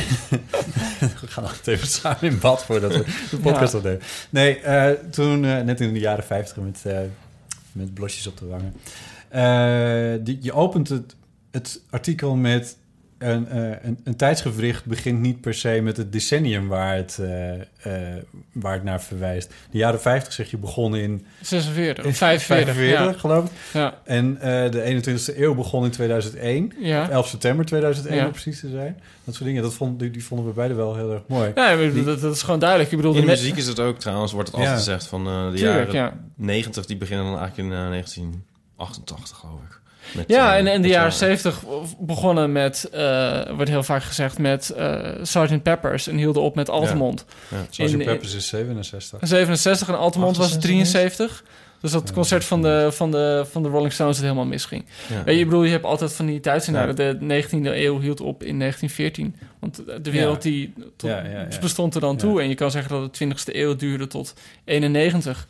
Ja. eh, toen de Sovjet-Unie in elkaar stortte. Dus als je gewoon een tijdsvak ziet, niet als een, als een verzameling jaren of een volgorde jaren, maar gewoon als een, als een periode met een bepaald soort eh, ideologie en een bepaald soort conflict en een bepaald soort eh, sfeer, ja, dan ben je niet aan, aan data gebonden, denk ik. Zit Kissinger nu nog... Want je zegt van hij geeft nog steeds interviews en zo. En hij wordt hem ook als adviseur nog geraadpleegd. Ja, maar hij schrijft ook nog steeds echt hele, eh, heel goed besproken boeken. Ja. Ik bedoel, zijn laatste boek heette geloof ik World Order. En daar legt hij ongeveer de hele buitenlandse politiek uit. Ik bedoel, hij heeft de afgelopen jaren heel veel geschreven over China... en over hoe de, de Zuid-Chinese zee, eh, dat zeggen meer mensen... de Zuid-Chinese zee de bela- het belangrijkste gebied in de wereld gaat worden. Ja. Omdat alle handelsroutes daar doorheen lopen. Ja. En wie daar het voor het zeggen heeft... gaat eigenlijk de wereldhandel controleren. Waar China Dus- op dit moment veel, veel Tuurlijk, China- basis aan het bouwen. Enorm. En, Ja. en met die, die eilanden die opgespoten worden. En daar is China gewoon heel erg bezig. Dus eh, nee, het is echt nog steeds een orakel. Want Dus nog... leven we dan nog in een soort Kissinger-tijdperk... als we dan toch over het tijdperk hebben? Nee, dat denk ik niet. Ik bedoel... eh, Waar is het misgegaan dan? Nou, kijk, waar is het misgegaan? Ik, het gekke of is... veranderd, hoe je het wil zeggen. Maar... Nou ja, waar het, in 91 denk ik. Eh, met het einde van de Sovjet-Unie. Ik bedoel, toen... Toen schreef Francis Fukuyama schreef in 89 dat belangrijke boek van The End of History and The Last Man. Dat was het idee van, oké, de Koude Oorlog is afgelopen. We gaan nu allemaal een liberale democratie worden. We gaan allemaal de vrije markteconomie omarmen. We gaan allemaal rijk en democratisch en gelukkig worden. Ja, En dat heeft zeg maar geduurd tot 2001. ja. En toen bleek opeens van, wacht eens, er zijn enorme gebieden in de wereld... waar mensen helemaal niet op eh, kapitalisme of vrije markteconomie of democratie zitten te wachten. En, Ja. en vanaf dat moment is het natuurlijk gewoon ja, op zoveel plekken een puinhoop geworden. Ja. Met, met onduidelijk, ja, ik bedoel... Schrijft Kissinger daar ook over? over Gek genoeg schrijft hij daar eigenlijk heel weinig over. Ja. Dat is echt, ik bedoel, hij is echt iemand... Verbrandt hij zich niet meer aan? Nee, dat, dat is het denk ik. Ik bedoel, het is gewoon zo iemand die gecontroleerd, die, die geobsedeerd is met, met controle en met rationele beslissingen en causaliteit. En ja, probeer in het Midden-Oosten maar eens causaliteit te ontdekken. Ik bedoel, het is een, het is een oorlog Ja. van, van iedereen tegen iedereen op een bepaalde manier. Ik vraag me ook heel erg af van, hé, ik bedoel, we kunnen nu terugkijken op de jaren 50. En eh, ik vraag me echt af van hoe we over 50 jaar op deze periode terugkijken. Of we het dan hebben over de grote eh, islamitische burgeroorlog. Of, eh, Ja. de- nou, ik noem maar iets. Dat is Maar, grappig. Ik zit oude afleveringen van QI terug te kijken op YouTube. Die, die. Britse, Ja, ik ken het. Ja, Stephen Fry. Ik kan Nee, Stephen Fry niet uitstaan. Nee, ook vind ik Ik fantastisch. vind hem zo vreselijk. Wat vind je er erg Ik vind al, alles aan hem. Gewoon, leuk. Ik, gewoon, ik, jarenlang vond ik hem heel leuk, maar hij vindt zichzelf zo leuk. Het is de hele tijd het leuk. koket. Hij heeft wel een Het aantal is- zelfmoordpogingen Het is de gedaan. hele tijd zo koket. En, Ja. maar, maar niets is erger, onderschat niet. Niets is erger dan grappig zijn en dat mensen tijd om je lachen. En dat je weet, oh, nu ga ik een grapje maken, gaat iedereen lachen, let op. En dan gaat iedereen lachen. Dan krijg je vanzelf voelt. een hekel aan de wereld. Ik kijk hem zelf een enkel aan de Nee, nee, wereld. Zadie Smith heeft daar echt een keer een waanzinnig mooi... Wie, mooi wie zeg je? Zadie Smith. Ik Ja. vind Ik het heel grappig dat je zegt, want vind jij dit alleen of zijn er andere mensen die jij kent die dat ook vinden? Wat, wat ik nu net zeg Ja. over Stephen Fry? Ja, Ja. ik, ik heb het nu tegen zoveel mensen in mijn omgeving gezegd van... God, wat haat ik Stephen Fry. Dat zijn nu ook gaan Ah, haten. oké. Maar Nee, maar, ja, nee, maar het is altijd verdacht, vind ik, want niemand zegt dat. Ik heb het Ja. nooit gehoord en ik vind het ook altijd verdacht bij Stephen Fry. Dat, dat iedereen vindt hem leuk Ja, en dan denk je van, ik- oh, dat, ik zag dat laatst, kan niet. Zag ik Omdat- laatst de BAFTA's uitreiken, weet je wel? Dan maakt hij hele domme grappen. Maar omdat hij het op zo'n grappige manier Ja. doet... of tenminste een grappige manier omdat hij daar staat met dat grote onhandige lijf... en dan doet hij een beetje bloos en... en dan denkt iedereen, ah, wat is het toch een schat. Maar Ja. de grappen, ja... Nee, ja, de grappen. Maar hij heeft wel een aantal keren op vrij, vind ik, vrij, vrij aardig nou, wel van intellect getuigende wijze heeft hij eh, zaken als religie eh ontkracht. Ja, nee, maar... Want daar is hij niet de eerste in. Nee, nee, nee, Daar is hij niet de eerste in, maar. Hij heeft ook bij hele mooie romans geschreven. Ik bedoel, het is niet zo dat, het, dat, ik, dat ik zeg van het is iemand zonder enige waarde of een, onder Ja. enig talent. Ik zeg gewoon dat ik, dat ik gewoon denk, oh, daar is hij weer. Ja. Gaat hij weer grappig doen. Oh. Oh, zo, En John. Cleese. Ja, John Cleese heeft een hele complexe relatie mee. Ja. Ik, ik moet bij hen... hen- bij hen- Alsof je Ja. Crispin dagelijks maar weet je wat het is met John Cleese? Eh, die lijkt echt sprekend op mijn vader. Oh ja? En dat, dan is het gewoon heel gek om die dat te zien. gek, ja. En, eh, en, en ik weet nog dat mijn, mijn vader... Ik was ook gek op John Cleese, die keek die films. En ik ha- weet je, ik wil die leeftijd je gewoon eh, He-Man kijken of de Power Rangers. En dan moest ik de hele tijd naar Monty Python kijken. Dus toen Ja. haatte ik Monty Python ook. En ik haatte Fawlty Towers. En, en ik zie nu wel in dat grappig is, maar... Want ik ik moet nog bij even- Henry Kissinger nog één dingetje dan. Moet ik tijd denken aan Voldy Towers. Ik mo- Ik moet het even kwijt. Want dan zegt, zegt, zegt Be- Basil Fawlty zegt de hele tijd... eh, de, in elke aflevering zegt hij wel een keer... Yes, who do you expect, Henry Kissinger? nou, ja. Mooi. nee, wat, wat wel grappig is... Maar dat, dat wil ik nog even zeggen over het humor. En ik denk dat dat... dat Smith schreef een, heel keer, een keer een heel mooi... Jullie kennen Zadie Smith wel. Ja, jullie kennen Zadie Smith. Oh. Hele beroemde. Maar goed, heel veel- complexe relatie met haar- hele Smith, complexe haar broer is stand-up comedian. En eh, toen is ze een tijdje met hem wezen toeren. En die zei van niets is vervelender voor comedians... dat je een aantal grappen hebt bedacht... En die ga je dan vertellen. En dan weet je dat het publiek gaat lachen. En dan gaat het publiek lachen. En dat doe je dan elke dag opnieuw. Mm. En op een gegeven moment ga je je publiek haten, Mhm. omdat je precies weet wat ze gaan doen. Op een bepaalde manier wordt het gewoon lachvee. Je krijgt een enorme hekel aan je publiek. En op een gegeven moment krijg je ook een hekel aan jezelf. Omdat je denkt, daar, ga, daar, ga, daar kom ik weer met mijn domme grap. Ja.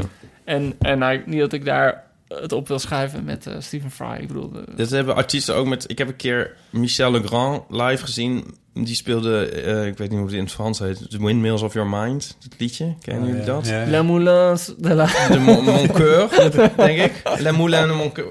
De- Ja. Nou, dat, nu heb je het over je hart. Ja, die- maar goed, ja. En dat, dat blijkbaar, dat is zeg maar zijn allergrootste... Dat, blijkbaar haat hij dat liedje nu. En dat Oh, speelde ja. hij een soort vijf keer te snel. En eh, ja, zo van... eh hier hebben jullie dat liedje. Ja, Hier. ja. Ja, Ja, maar ik, ik heb, ik heb een kleine geschiedenis als gitarist. En eh, ik heb, eh, ja, er staan hier een paar gitaren. Er liggen ook nog een paar onder de bank. Heel, heel discreet. Dan op kunnen dan- zouden ze beter allemaal kunnen liggen. laten. Maar het, maar het eh, eh, ik heb heel lang in een, in een coverbandje gespeeld. En dan speelde ik voor al die bruiloft en partij. Dat was mijn studentenbasis. Wat voor cover eh, van wat? De Blame on the Boogie, de hele, de hele ratplan. Oh. Het- Alles wat je op, op zo'n bruiloftsbandje Heel tegenkomt. goed. En dan zaten ook een paar van die rocknummers in waar dan, waar, dan, eh, nee, waar, waar gitaarsolo's in zaten. En ik Ja. denk eigenlijk dat dit dan hetzelfde was. Want dat- ik vond het in het begin vond ik het helemaal te gek om dan eh, Ja. een beetje stuntgitaar spelen. En ik kon dat dan ook een beetje. En deed, uiteindelijk deed ik me wat, maar het zag er heel spectaculair uit en het klonk fantastisch. En, en als je dat dan 20, 30 keer gedaan hebt, Ja, dan weet je precies, oh, nu ga ik naar een hoge noot. Is het? Oh ja, dan gaan ze juichen, ja. ja. Ja, dat, is, dat gaat dan wel een beetje tegen die solo-werker op een gegeven moment. Ik weet alleen bij God niet meer waarom ik over QI begon. Waar hadden we het over? Over Henry Kissinger. Volgens mij wa- waren we niet nog steeds bezig met vlees eten. Hadden we dat onderwerp al Nee, afgesloten? Ja. Erg. en ik kan ook niet meer terugluisteren natuurlijk. Maar het ging het niet over nostalgie. Over, het ging over welke tijd? Over de overzichtelijkheid van de jaren van de Koude Oorlog. Oh ja, daar hadden we het over, ja.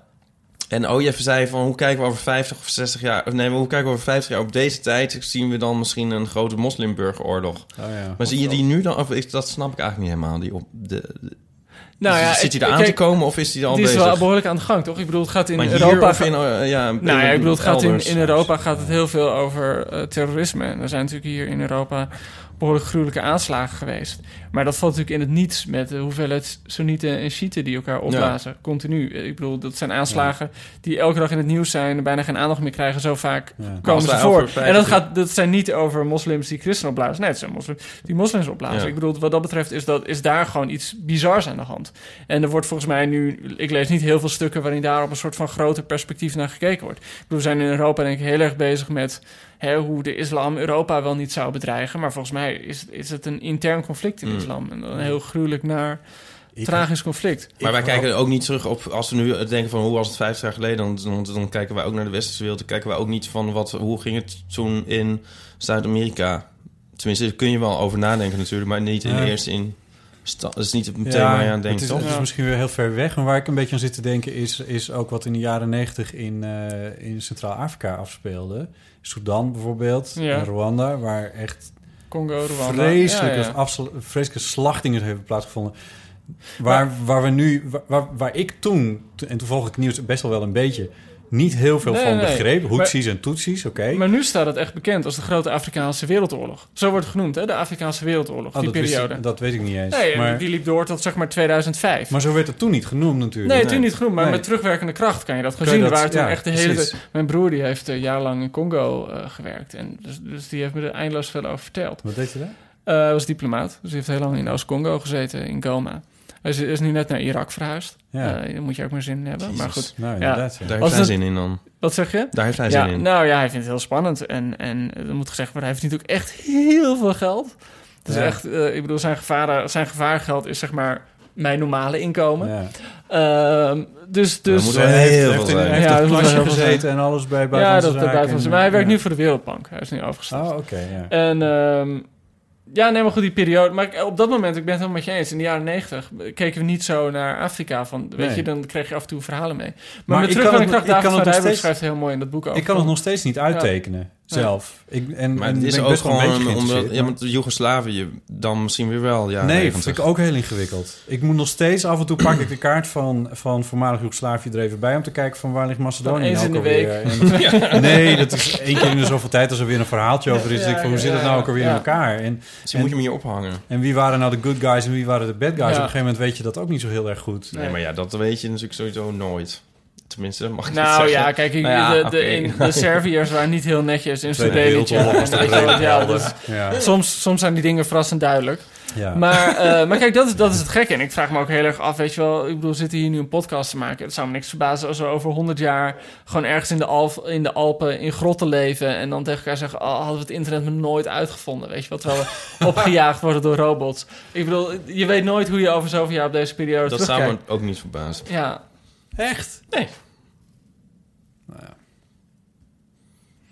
Maar ja, ik heb dan Ja, ook dan ik kunstmatige even- intelligentie gestudeerd. ja, oh god. En heb ja. je dat cynisch gemaakt? Is dat omdat je Terminator 2 had gezien, of niet? Ja, Het is allemaal uitgekomen. Hè? we zo Alles zei, ga jij dat je maar hebt DVD studeren? geleend van niemand een keer. nooit teruggeven, die DVD. Nee, maar serieus, heb je dat cynisch gemaakt? Kunstmaat- cynisch? Kunstmatige intelligentie. Nou, je zei, hadden we dat internet maar nooit uitgevonden. Daar zit iets, iets cynisch. Nee, om de reden die eh, Joost nu zegt. Maar ik bedoel, ik denk dat um, er zit natuurlijk wel een gevaar aan de... Nou, maar wacht even. De reden die Joost nu zegt, maar dat, is, dat impliceert alsof Joost hier een burgeroorlog voorspelt in West-Europa. nou, zo bedoel ik het ook niet. Maar wat, wat, wat, wat ik wel denk met internet, kijk, ik bedoel, er zijn natuurlijk afgelopen decennia... Oh, ik ga even niet helemaal grote dingen zeggen, ik had zo'n hekel aan. Maar goed, Heerlijk. er zijn natuurlijk de afgelopen decennia is er sprake, dat is meestal een toverwoord, van democratisering. De burger heeft zich verheft. Iedereen eh, heeft een mening gekregen. Iedereen heeft door internet een platform gekregen die mening te uiten. En ik denk dat we op dit moment op een punt aankomen waar... de- ik bedoel, je ziet dat IMDB... Heel veel sites beginnen nu de voorraad te sluiten. Omdat het gewoon niet meer te overzien is. Ik bedoel, de internet heeft op een bepaalde manier... hoe geweldig het de handel heeft gemaakt... en allerlei mogelijkheden. En eh, ik bedoel, het heeft eindeloos veel voordelen. En weet je wel, je, je koelkast is smart... en, en je, je, je ijskast is woke en weet ik wat. Maar het heeft ook gewoon de deksel van een put gehaald... waar gewoon ongelooflijk veel, veel smerigheid uitkomt. En ook heel veel dingen kapot heeft gemaakt. Ik bedoel, kijk, we werken allemaal in de journalistiek. Het internet heeft dat niet... eh, is dat best wel aan het ondermijnen op een bepaalde manier. Dus ik denk wel dat er gewoon heel veel dingen zijn gebeurd... die ja, het, het, het leven ook gevaarlijker hebben gemaakt dankzij het internet. Ik had laatst had ik... eh Pankaj Mishra geïnterviewd, dus een, een Brits-Indiaanse eh, politicoloog, filosoof. En daar had ik een tijdje mee over Hannah Arendt. En Hannah Arendt had het over, vind ik een heel mooi begrip, negatieve solidariteit. En het idee is dat normaal gesproken leef je in een land, prima, daar heb je nergens last van. Maar door negatieve solidariteit is het idee dat je met heel veel mensen solidair bent geworden op een economisch gebied, of, of wat voor gebied dan ook. Eh, door middel van vrijhandel, door middel van internationalisering of door kolonialisme, weet ik wat. En het gevolg is dat als er iemand in India een fabriek begint, kun jij hier in Nederland werkloos worden. Met het gevolg is dat er over de hele wereld mensen met elkaar verbonden zijn, die eigenlijk daar niet om gevraagd hebben. En eigenlijk meer dan ooit zijn mensen met elkaar verbonden. Technologie speelt daar een grote rol in. En ik bedoel, heb je het over de jaren 50. Ehm, ik, ik ben mezelf nu een beetje aan het citeren hoor. Maar dan heb je het over de jaren 50. Ja, je groen artikel. Eh, ja, mijn groen Ja. artikel.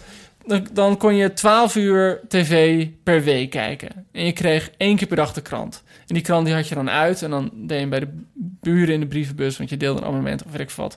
En meer dan dat kreeg je van de wereld niet binnen. Mhm.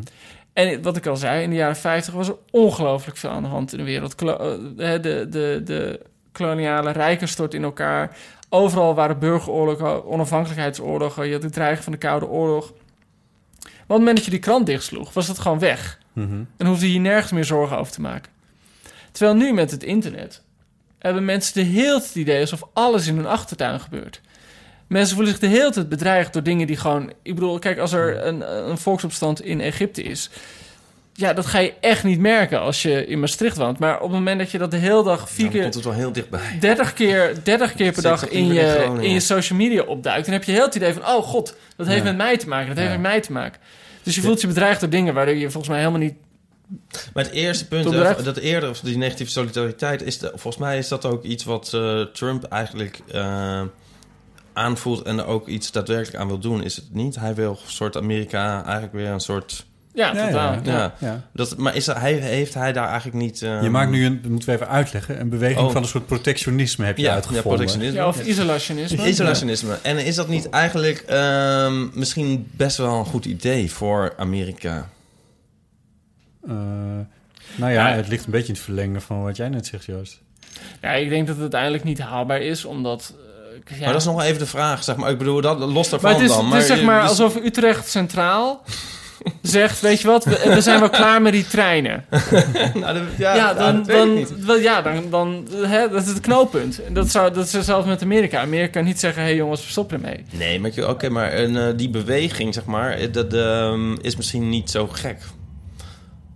Misschien, kijk, eh, ja, nee, die, ik ga niet mee in deze metafoor, want dan wordt het heel moeilijk. Maar misschien kunnen ze wel de trein naar, de trein naar Groningen, die kan wel weg. Dat zou ik, zou, kun je toch wel zeggen. Toch, wie wil daarheen? Nee, dit gaat niet trein naar Groningen. Groningen. Ik ging toch mee. Er zijn altijd mensen in Groningen die echt heel boos worden... die, die zich altijd heel erg miskend voelen. Ja, dit en gaat ik over wil de- graag voor de, mijn luisteraars en lezers in Groningen zeggen... ik vind jullie een prachtige stad. Ja. Ik kom wel graag. Ik heb, er, ik heb er gestudeerd, dus ik vind het ook fantastisch.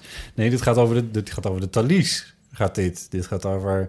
Inderdaad, eh, de internationale de trein. trein naar meer. Duitsland. En eh, eh, daar gaat dit over. Maar hier ging eigenlijk mijn scriptie over gedachte-experimenten. Dat vaak, maar die kun je ook doortrekken naar metaforen. Va- vaak verduidelijken ze niks. Want nu gaan we het hebben over. eh, straks gaan we het hebben over de bordjes op de perrons en zo. En over de, de prullenbakken op Utrecht Centraal. Maar dus die vergelijking moeten we misschien weer loslaten. Ja, precies.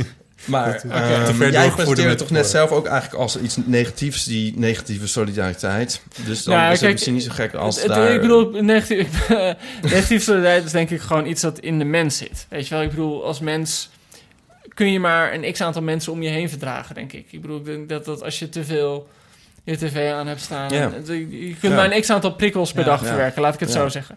Hoeft niet per se mensen zijn, maar ik bedoel, we kunnen niet eindeloos veel prikkels Nee. binnenkrijgen. We krijgen natuurlijk door, door alle eh, technologie meer prikkels dan ooit binnen. Ja. En, en ik denk dat, dat mensen daar gewoon een beetje, dat dat nu echt aan de hand is. Dat mensen gewoon op de max zitten. En daarom gewoon naar zo'n Trump gaan grijpen of naar een Wilders grijpen. Ja, maar misschien ook wel, niet niet echt willen- vanwege de, de... Ik bedoel, dat is dus, zeg maar meer een soort psychologie... maar misschien ook echt gewoon economisch gezien... willen ze niet afhankelijk zijn van iemand in India. Dat is niet alleen maar een beeldvormingsding. Dat is ook daadwerkelijk zo. Dus dat, die, dat willen ze weer een beetje doorsnijden. Dat is misschien... ehm, ik bedoel, ik wil niet een soort Trump-adept zijn, maar... ehm, misschien zit er wel iets in dat, die, dat dat weer een beetje wordt... Maar goed, kijk, dat, dat is natuurlijk het onmogelijke. Kijk, ik bedoel, eh, zij willen de, in Amerika willen ze per se dat alle, Ameri- dat alle Ford fabriek of dat alle Chrysler fabrieken in Ja. Amerika, nou dat begrijp ik best dat je wil dat, dat, dat die in Amerika blijft. Maar ja, die- volgens wil die Chryslers wel aan de rest van de wereld verkopen. Dus het gaat twee kanten op. Ja. Eh, en, en dat is het onmogelijke. Ja, ja, ja. Maar goed, dus, dus het is een gek, een Dus gek dat er iets. een reden is dat eh, de Chrysler gemaakt wordt in een ander land dan Amerika. Dat is namelijk dat ze goedkoper zijn, ook voor de Amerikanen. Ja, Dus Ja. de Chrysler's worden duurder. Ja, Maar maar dat voor heel veel dingen. Ja. Er is al een prijs aan hangen, maar misschien is dat ook deels iets dat mensen uiteindelijk zelfs nog wel bereid zijn te betalen. maar Eh, dat weet ik allemaal niet. Maar Nou, het punt is dat, dat, dat Chrysler dan alles gaat doen om die... Daar ben ik dan bang voor. Dat Chrysler alles gaat doen om die auto's niet duurder te maken. En hoe gaan ze dat, die prijs drukken? Door ze bijvoorbeeld minder, meer te laten vervuilen. En denken, hé, hey, weet je wat, laten we eens niet inspelen op eh, schone olie of schone energie. Maar laten we het gewoon lekker zo goedkoop Ja. mogelijk houden. Ja, dat gaat Dus, dus iets het punt is, het zijn altijd van die... Van die eh, ja, dat gaat bij Ja, de ene natuurlijk, maar het gaat, ik weet niet of het kan en of het... Maar ik denk, denk dat de, de wenselijkheid van vind ik niet heel erg gek of zo. Dat, dat zie ik ergens Ja, wel. precies. Nee, ik, ik ook. Ja. Ik snap het ook. En eh, je ziet het vooral heel erg met voedsel natuurlijk... dat mensen dan heel graag van dichtbij willen hebben. Wat volgens mij ook... Dat is ook vaak vanuit milieu-oogpunt. Maar dat is ook volgens mij een soort... eh, ook een soort... eerst. Ja, nee, maar uit je eigen moestuintje. Maar weet je wel, van Ja. eh, oh, lokaal verbouwd. Dat Ja, geeft toch ook een soort Ja. van... Oeh, wat gezellig. Het, eh, ja, nou, het komt tenminste niet uit... al die enge landen. Nee, maar goed, ik bedoel, de- bij de Groen hebben we daar ook wel eens onderzoek naar gedaan... van hoeveel kilometer het eten op je bord heeft afgelegd. Ja. En dat die, over het algemeen, als je een gewoon bord eten hebt... dat gaat echt twee keer de wereld over ongeveer. Ja. Je bedoelt natuurlijk het geweldige idee van Hollandse garnalen... die dan in, in Nederlandse Noordzee werden gevangen... dan naar Marokko werden gebracht om te pellen... en dan weer teruggebracht werden om ze hier op te eten als Hollandse garnalen. Ja. Ja, dat, dat- ja dat, dat is best wel bizar als je daarover nadenkt. Ja.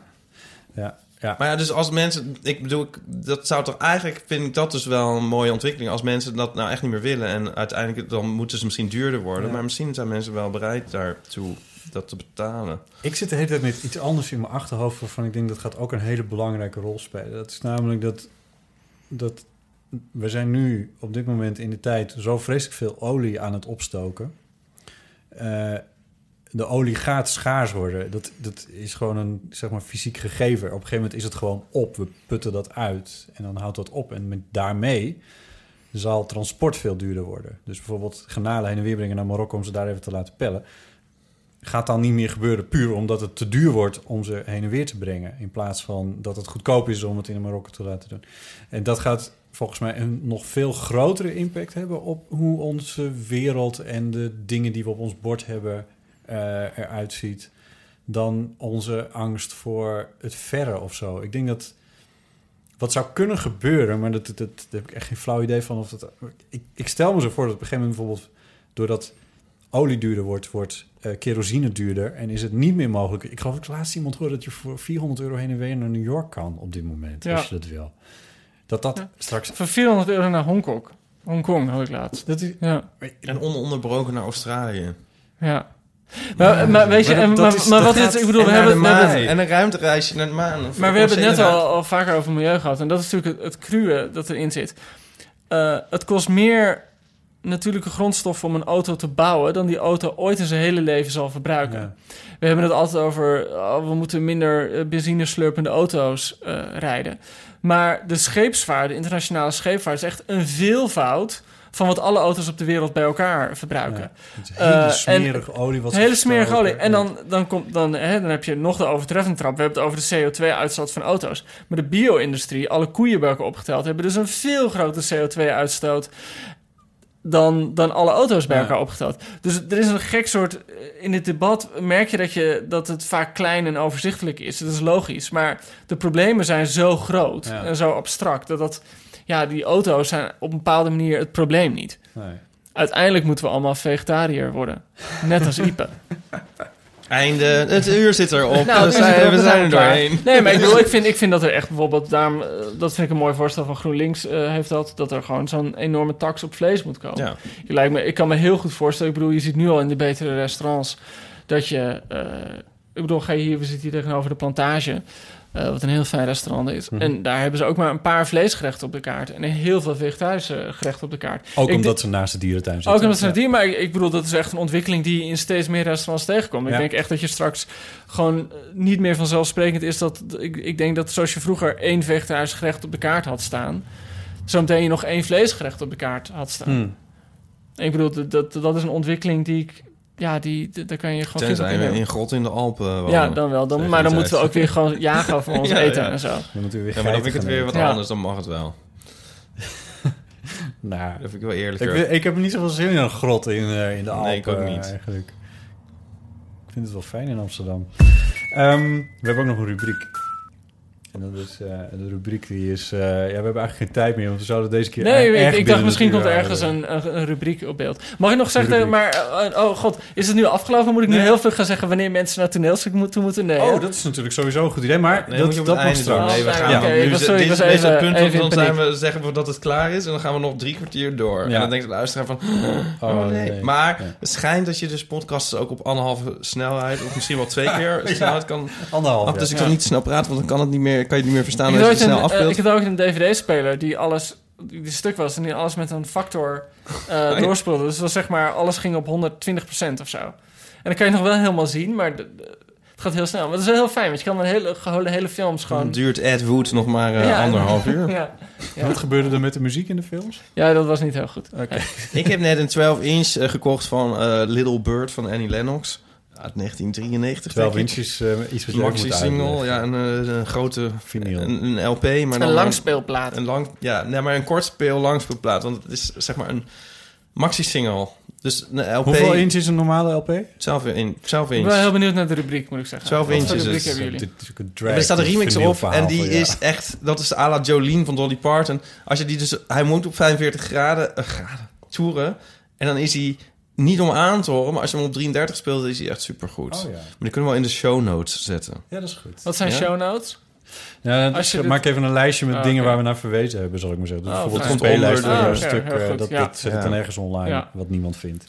Ehm, Maar het is hip om in een podcast te zeggen dat het in de show notes Oké, staat. heel goed. Want toch niemand, iedereen staat te koken ondertussen Ja, en niemand gaat naar de show notes. ja, Ik snap het. koken op anderhalf keer snelheid. Nee, dat is dus...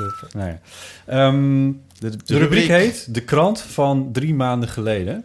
Eh, en eh, wat, we, wat, wat ik dan doe... Ja, ik ga het toch uitleggen. Wel interessant met een journalist van de Groene Amsterdammer. Ja, wat ik, wat ik doe is, ik lees de krant van drie maanden geleden... gewoon om te kijken wat daarvan is overgebleven... of wat we daar nu nog van vinden.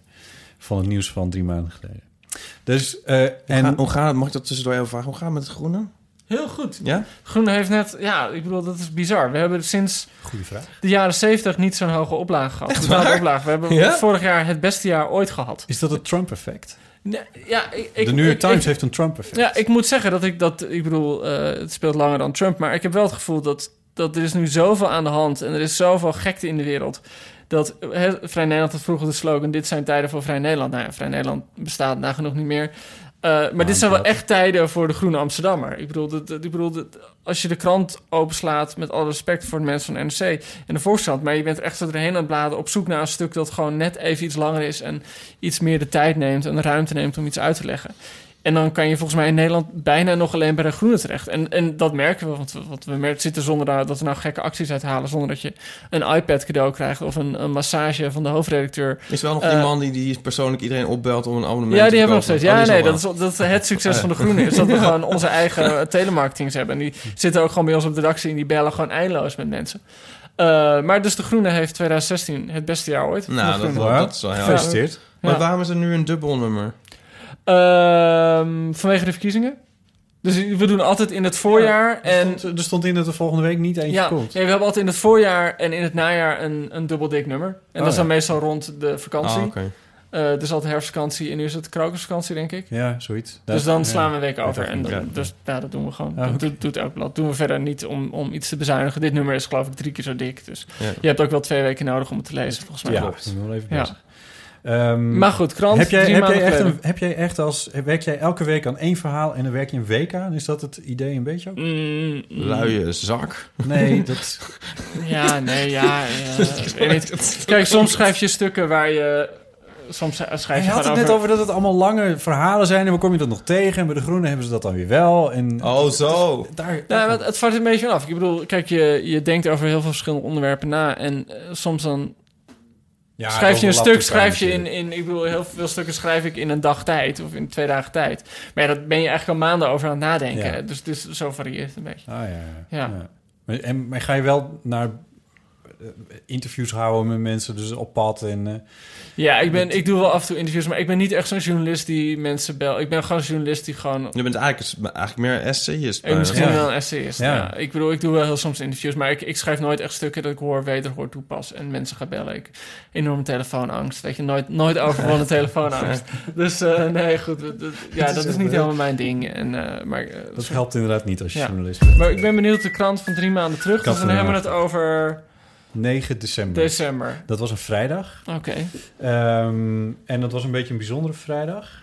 Ehm, Eén ding eruit pikken. Ja, dat, dat vind ik dus altijd lastig. Maar ik, want ik, we bespreken dit niet van tevoren. Maar ik, ik- nee, het was een bijzondere vrijdag. Weet je wat? op De voor, het opent in ieder geval. Ik heb NRC er even bij. Want Ja. dat is de enige waar ik digitaal toegang toe heb. eh, drie maanden terug. Dat was de dag nadat eh, Peter van Straten overleed. Oh ja, Dus dat was wel een beetje bijzonder. dat is wel een goed onderwerp. Dat stond ook eh, ehm, als de opende NRC ook mee in de zin van een eh, fotootje. Want het idee... oh Trouwens, ja. Joop Braakhikke overleed ook. Oh, wel van- ja. Maar ik, ik vind het grappig, want als we het dan toch hebben over drie maanden... Het idee is dus van, is het drie maanden geleden, eh, later, is het dan nog wat? Want ik denk dat Peter van Staten vind ik nou eh, iemand die eh, over... Die kan je over een eeuw, denk ik, nog steeds... eh, als tenzij we dan in een grot zitten. ik, ik, ben, ik ben opgegroeid, of tenminste bij ons in huis hing elk jaar de Peter Scheurkalender. ja, Eh. Zeurkalender, Peter Zeurkalender, sorry, ja. En ik bedoel, die kunnen ze natuurlijk eindeloos recyclen, want die tekeningen zijn natuurlijk eeuwig houdbaar. Ja. En, maar ik zie nog wel iets grappigs, want je, ik zie nu op jouw beeldscherm eh, de volpagina van de NRC. En Ja. wat heel groot staat is, wilde schuldig gaan aanzetten tot discriminatie, geen straf. ja, klopt. Het is wel grappig dat toen dat proces speelde, eh Wilders beter dan ooit in de peilingen stond. En Ja. dat was echt het hoogtepunt. Dat was echt dat hij gewoon op 35 zetels werd en huizenhoog de grootste partij. Het was trouwens de dag van de... Oh, Ja, de dag van de uitslag. Ja, En, en dat- ik bedoel, er is toen ook heel veel gezegd door politieke commentatoren... van dat, dat hele proces tegen Wilders was geweldig voor Wilders. Gewoon voor alle mensen die, die eh, hem een warm hart toedragen... Was echt precies de reden dat hij aangeklaagd werd... was de reden dat zij op hem stemden. Ja. En nu zijn we drie maanden verder en zitten we zes dagen voor de verkiezingen. En is Wilders in de peiling... Nou, Wilders voert natuurlijk op een bepaalde manier helemaal geen campagne. Wel opmerkelijk. Ja. Volgens mij omdat hij ook helemaal niet premier wil worden... of de grootste partij wil worden. Eh, en nu, dus ik bedoel, dat Denk was dat? drie maanden geleden was denk ik het hoogtepunt van Wilders in de peilingen. En nu zit hij weer echt. eh, Dat zijn de mensen ook van Trump. Ik heb dat nog Ja, en als hij het wordt, dan gaat hij zeggen van... nee, ik hoef het toch niet. ja. Ik heb het dat hij maar in de we hebben het over peilingen. Maar Ja. in de peilingen klopt dat. Die, daar stond hij, toen piekte hij echt Ja, totaal. En sindsdien is het heel langzaam een Ja. klein beetje. En eigenlijk pas de eh, sinds deze week dat, er ook, dat hij eh, gelijk staat aan de VVD. Ja, de VVD staat weer ruim voor. In peilingwijzer staat de VVD. Ja. Ja, het, is, het is met zo'n foutmarge van vier zetels. Dus Alleen, heb je dan altijd nog het effect van eh, het... eh, De gordijnstemmers. De gordijnstemmers. en dan weet ik nog steeds niet of dat nou een, een fenomeen is geweest wat niet bestaat. Nee, dat bestaat. Of wat onderhand niet meer bestaat. Of wat... Ik vind het eerlijk gezegd, ik vind het best spannend... wat er Ik volgende Ik week woensdag gaat gebeuren. ehm, Maar spannend, omdat ik denk dat het niet zo heel veel uitmaakt op de PVV de grootste. Ik denk dat het wel uitmaakt. Ik denk namelijk dat... Want Trump is namelijk ook niet de grootste... is niet de grootste geworden, maar wel de grootste geworden. En Geert Ja, Wilders kijk, gaat straks... kan de grootste ik, ik, worden, ik, terwijl zie, hij het ik zie er wel een significant verschil tussen hoe dat met Trump ging en hoe dat met Wilders zou kunnen gaan. Kijk, Trump heeft gewonnen omdat hij heel veel stemmers haalde die normaal nooit stemmen in Amerika. En hij was de grootste. Hij had absoluut niet de meeste stemmen. Hij had Nee. ook niet, vergeleken met andere Republikeinse kandidaten, had hij ook niet meer stemmen. Dat is gewoon dat Hillary eigenlijk onder... vote. Hij, onder- hij lag 3 miljoen achter op eh, ongeveer 63 miljoen stemmen. Ja. Ehm, dus wat dat betreft won hij niet, gewoon omdat er andere mensen kwamen dan die normaal gesproken gepeild worden. Bij Wilders zie je een hele andere beweging. Ik bedoel, ik weet nog wat vier jaar terug bij de verkiezingen mensen echt niet zomaar durfden te zeggen dat ze wilden stemmen. Dat is nu Nou, toch wel een beetje Nu anders. zie ik alleen maar mensen op tv die gewoon zeggen: Ja. ik stem Wilders, geen probleem. Ja. Gewoon met naam en toename in de Maar krant. kennen Ik ga? Wilders ik, stemmen. ik, ik ken nog steeds niemand die wilde stem persoonlijk.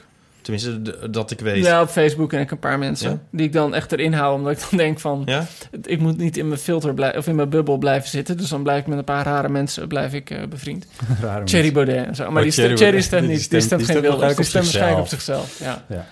Ben jij? Ik ken geen mensen die op PVV stemmen, nee. Nee. Nee, ik, het, het schijnt dat een oom van mij die in Amerika woont op Trump heeft gestemd. Dat vind ik al heel wat. ja, dat is heel bizar. Ja, maar ehm, nee, ik ken geen eh, PVV-stemmers. Jij Wat, wel? wat zou je eerder doen? Op, in Nederland op Trump? Of eh, op wilde stemmen of in Amerika op Trump? Met het mes op de keel zou ik zeggen, snij, haal dat mes maar door. Oké, nou, laat dat lijkt me ik vind beide verschrikkelijk. Nee. Nou ja, Ja, het is Maar, ehm, nogal hypothetisch. Maar je was, eh, wel, eh, oké, maar eh, we, we waren nog ergens volgens mij. Want het is spannend, want, want, want Tr- Trump Nou, heeft... gorde- eh, want gordijnstemmers, wie weet. Want gordijnstemmers, ja. zijn die Nou- peilingen niet representatief. Maar hou er rekening mee dat bij de laatste vier verkiezingen PVV gewoon verlies heeft geleden. En eh, gemeenteraadsverkiezingen eh, vorige... ja, maar gemeenteraad is echt wat wel wat anders. ja, oké, dan is hij ook niet heel goed vertegenwoordigd. Maar in de steden die hij wel vertegenwoordigd was, hebben ze verlies geleden. Ehm, en bij de Kamerverkiezingen heeft verlies geleden. De. Kamerverkiezingen ervoor ook. Ehm, ja, en, maar wat, wat natuurlijk gewoon... Eigenlijk eh, gaat er daar misschien... Ja, het gaat er ook wel veel over, maar misschien niet genoeg. Wat natuurlijk gewoon heel bizar blijft... als je nu naar de peilingen kijkt... dat zometeen de grootste partij 26 zetels Ja. heeft, 27 zetels. Dat is echt niets. Nee. Ik bedoel, ga je terug naar de jaren 90. Weet je, dan had, had de Nee. CDA gewoon 50 zetels. Ja. Eh, Ja. Gewoon 45 zetels, geen probleem. En dat, voor de PvdA, weet je, en dat is, ja... Dat Zou is, dat, zou dat weer terugkomen? Als we in een eh, ja, als, als gewoon over grot vier- in de Alpen zitten. Ja, dat wel allemaal, ja. Maar wat, wat denken jullie dan als... Stel nou Wilders wordt wel de grootste, wat gebeurt er dan, denk je?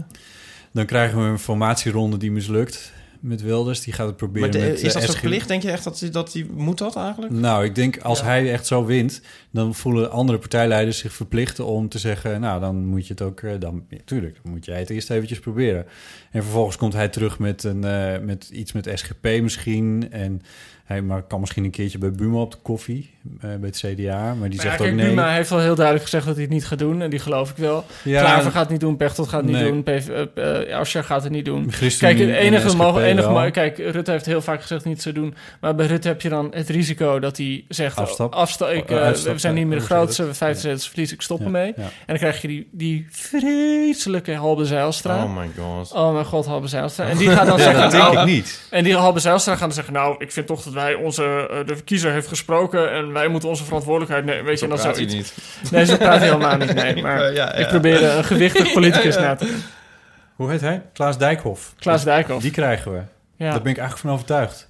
Ik denk niet dat we Ik half vind het wel fascinerend, Klaas Dijkhoff. Klaas Dijkhoff heeft... De, ik, ik kan niet boos worden op Klaas Dijkhoff. Hij ziet er ook uit alsof het hem allemaal echt helemaal niets interesseert. Echt alsof klopt. half in slaap... Aan, En ondertussen heeft hij zijn shit wel aardig voor elkaar. Ja, ja. Het is geen... eh, en hij... eh, en ik ben, het, ik ben het op heel veel punten oneens met, eh, met VVD-standpunten. En die verdedigt hij gewoon. En toch denk ik, ik kan heel lastig boos worden op jou. Ja, maar hij, hij verdedigt ze ook niet op een manier dat je ze vervelend vindt.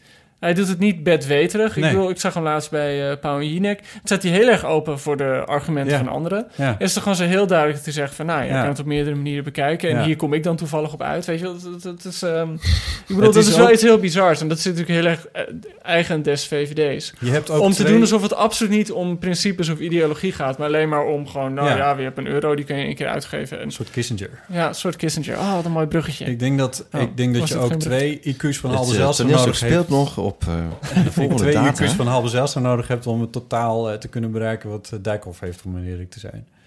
Ik vind het niet de, de, de sharpest Nee, knife in helemaal the niet. drawer. Nee. Dat, eh, nou, denk dus ik denk niet. niet dat dat gaat gebeuren. Maar dat is waar, dat, kan, dat is een gevaar. Dat de VVD dan alsnog zegt van ja, ja, Rutte heeft dat beloofd, maar nu moeten we het land toch gaan regeren. ja, Ja, maar dan zijn we er nog niet. Dan zijn we er nog niet, nog nee. steeds maar 50 zetels. Nee, daarom. Dus Ja. dat is het bizarre. Ik Dus bedoel- goed, dat, dat strandt dan, die formatieronde. Maar daar zou dus best wel eens een paar weken zoet mee kunnen zijn. En dan krijgen we een nieuwe formatieronde. En dan moet Wilders Ik denk, de een, moed hebben om ik te denk aan een zakenkabinet onder leiding van een Belg. net iets in de mediawereld. Waar inmiddels... Alle grote, alle belangrijke, alle soort intellectuele posten in Nederland worden vergeven aan Belgen. Is, is Xandra Belgisch? Sandra Schutte, nee. dat is Sandra Schutte. Nee, eh, het zou wel heel leuk zijn geweest. dat. Dus ik denk, eh, dus ik voorzie een zakenkabinet onder leiding van een Belg. Ik vind het mooi, ja. Ja, Inderdaad. misschien is dat een goeie. Ja. Goed, dat alles naar aanleiding van eh, het artikel in eh, eh, NRC van drie maanden geleden over ehm, de veroordeling voor de minder Over de minder doos van Peter van. Straten. Nee, Veel beter onderwerp. en Joop Braakhekker. Er was nog een stukje dino-staart gevonden. Braakhekken. Wat? Een, een dino-staartje met Oh. veertjes. Naturalis, dat, is ook, dat vind ik ook interessant hoor, trouwens. Zeker Is te het laat. Naturalis, het museum in eh, Leiden wat... eh, eh, Kunnen we het daar over drie maanden niet over hebben? Ja, daar niet. kunnen we het over drie maanden waarschijnlijk wel over hebben. Want dat is erg interessant. Die zijn aan het verbouwen. En die, heb je dat meegekregen? Die zijn aan het verbouwen. En de architect van het oorspronkelijke gebouw zegt nou van ik wil het niet hebben. Nou, dit zei hij al de hele tijd, maar ze zijn toch gaan Ja. verbouwen. Maar nu heeft hij echt een kort geding en nu ligt het stil. Maar ik kom heel veel Naturalis. Want ik, ik werk, al, ik maak altijd filmpjes voor avonden. Ja, ik sta daar. Sta daar sta. als als holy vrouw, die vrouw die was door Bokito, die ging elke dag naar, naar de dier. En die dat jij met te die dier- Dat jij dat met dat ja. Ja, maar ehm, wat wil ik nou zeggen? Nou ja, dat, eh, ehm, De verbouwing. dus dan, volg je, dan is het interessant, maar nee, dat is gewoon heel gek. Maar die- dus die man, die, die architect, die wel niet, dat, dat zijn, eh, die mogen, zeg maar, zijn tentoonstellingsruimte worden nu kantoren en er wordt een heel nieuw gebouw gezet en dat wordt dan een tentoonstellingsruimte. Ja. En hij vindt dat dat zo'n ontwerp geweld aandoet. En eh, ja, dat, dat is natuurlijk ook zo. Maar ja, kun je dat, dat dan eisen, dat dat voor altijd zo blijft? Ik heb toevallig net een verhaal gemaakt over eh, dat KPMG-kantoorgebouw aan de A9. Ja, dat zeg je waarschijnlijk helemaal niks. Maar het is een enorm kantoorgebouw Die is wat al heel Oh, lang... nee, dus nee, ING. KPMG. Die eh, al heel, het staat al zeven jaar leeg. Oh, En eh, het is echt een soort symbool geworden voor de kantoorleegstand Ja. in Nederland. En daar zit nu een plan op om dat ook te om te bouwen tot appartementen. Het ligt midden in Amstelveen, dus dat is op zichzelf niet zo'n gek idee.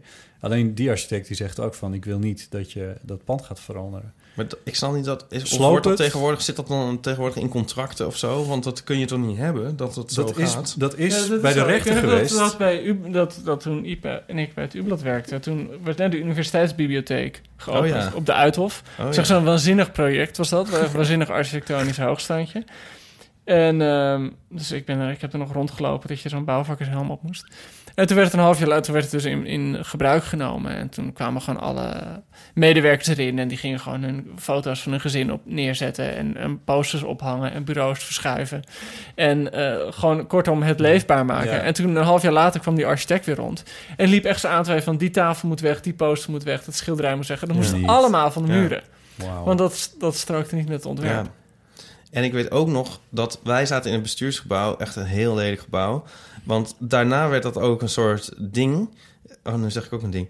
Uh, bij andere gebouwen, het werd een soort trend even. En toen werkte ik de, even daarna bij Studium Generale ook in een bestuursgebouw.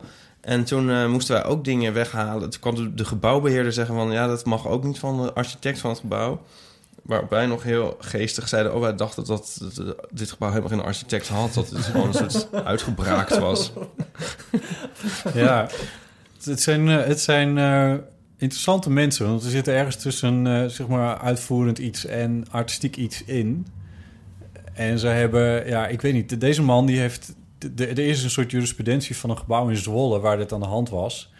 Uh, en die rechtszaak die is dus gewonnen door de architect. En sindsdien ligt er dus een soort van jurisprudentie voor architecten... dat ze dit dus kunnen zeggen van... we willen niet dat je het gebouw verandert... zolang ik nog leef in ieder geval.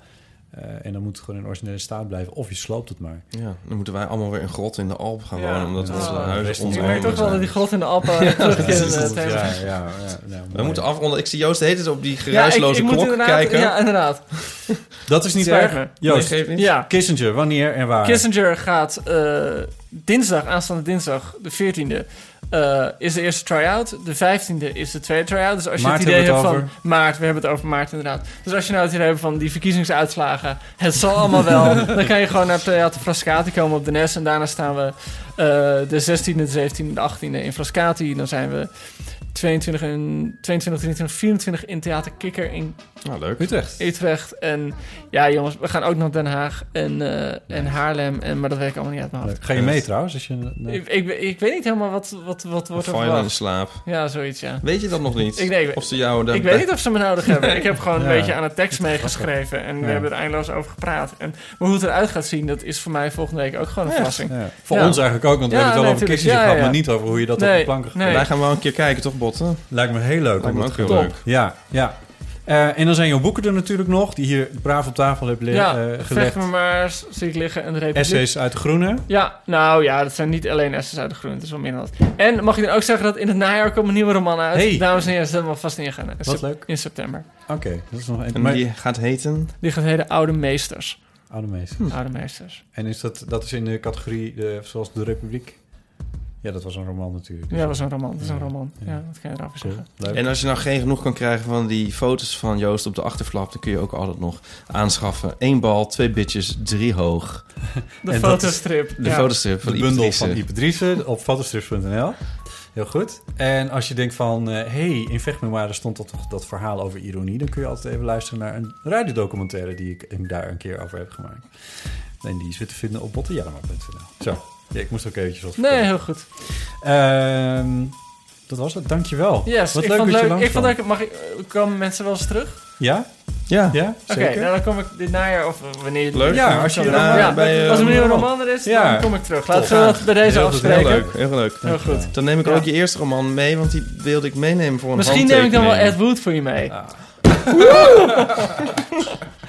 Ja. Opgelost.